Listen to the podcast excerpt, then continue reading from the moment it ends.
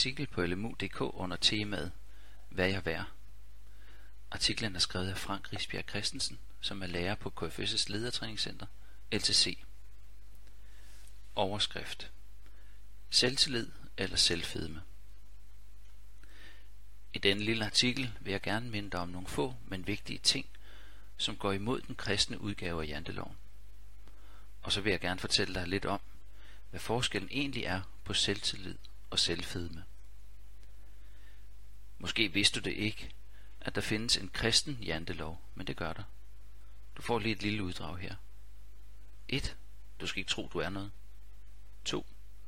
Du skal ikke tro, at du må synge sangen Du er dig, og du dur, når du er blevet mere end 10 år gammel. For du dur ikke, og du er en hårdmodig sønder. Fat det og skru lidt ned for selvtiden. 3. Du skal ikke tro, at du er noget specielt i det kristne fællesskab. Begrav dine talenter, så du ikke risikerer at blive hårdmodig og selvfed. Grav ikke dig selv ned. Du og jeg er syndere, virkelige syndere. Men der er heldigvis mere at sige om os. Vi er tilgivende og retfærdiggjorte syndere i troen på Jesus. Romerne 5, vers 1-2. Vi er totalt elskede af Gud. Vi er skabt af Gud med unikke personligheder og vidt forskellige evner. Salme 139.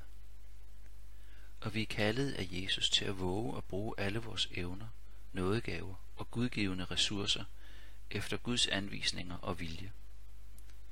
1. Korintherbrev kapitel 12 Du er og kan noget vigtigt, som du og andre ikke må underkende. Det er en meget stærk pointe fra Jesus, at en kristen ikke skal grave sine talenter og ressourcer ned.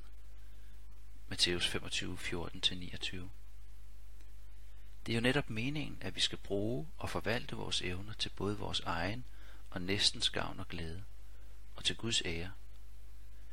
En kristen må altså gerne have selvtillid, tillid til, at det er okay at bruge sig selv og kaste sig ud i tjenester, opgaver og eventyr i livet. Det er ikke godt, når en kristen graver sig ned i mistillid til sig selv og sine evner. En kristen må gerne have en stærk bevidsthed om, hvad man kan og er god til, men uden at falde i hovmodets, selvfedmens og selvdyrkelsens fælde. Forskellen på selvtillid og selvfedme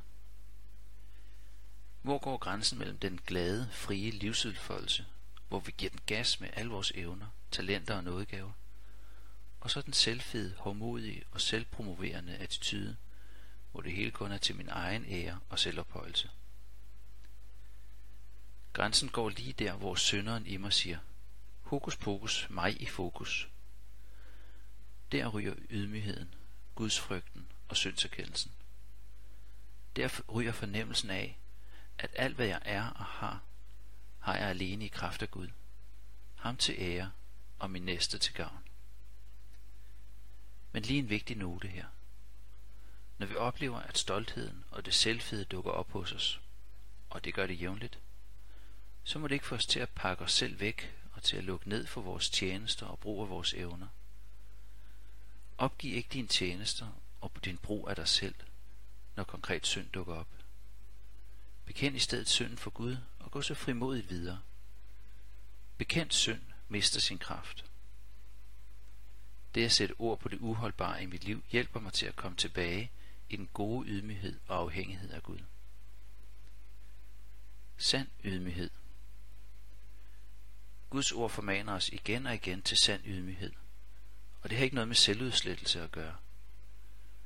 Sand ydmyghed har jeg, når det er Jesus, der er centrum i mit liv, ikke mig selv og min egen selvpromovering. Sand ydmyghed har jeg, når jeg ved, at der ikke bor noget som helst godt og holdbart i min syndige natur, og når jeg ved, at jeg hele tiden har brug for, at Gud arbejder på højtryk for at bekæmpe både hovmod og mismod i mit liv ved at give mig syndserkendelse. Sand ydmyghed har jeg, når Gud har førstepladsen og autoriteten i mit liv, og når min næste får lov til at stå ved min side som et lige så vigtigt og elsket menneske som jeg selv. Om jeg er ydmyg eller ej, afsløres rigtig meget i mit blik på mit medmenneske. Gå frimodigt i gang med at bruge alle dine talenter, evner og potentialer. Du finder flere artikler i samme tema på lmu.dk.